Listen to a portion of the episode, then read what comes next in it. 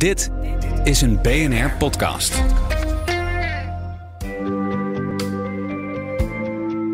Wetenschap in het kort met Carlijn Meinders. Onderzoekers hebben de James Webb-telescoop gericht op het oudste heelal dat eerder is gevonden door de Hubble-telescoop.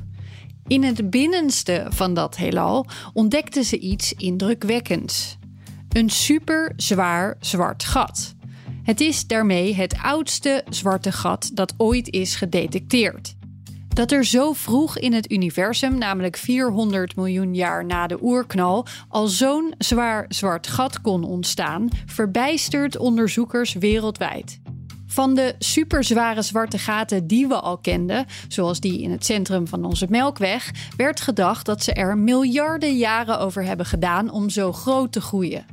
Maar dit nieuwe superzware zwarte gat moet in een veel kortere tijd heel groot zijn geworden. Vermoedelijk kunnen zwarte gaten ook groot geboren worden. Of eet het zwarte gat veel sneller materie uit de omgeving op.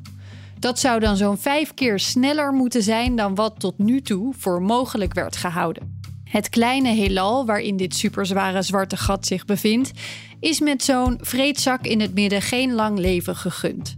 Dat betekent ook het einde van het zwarte gat zelf.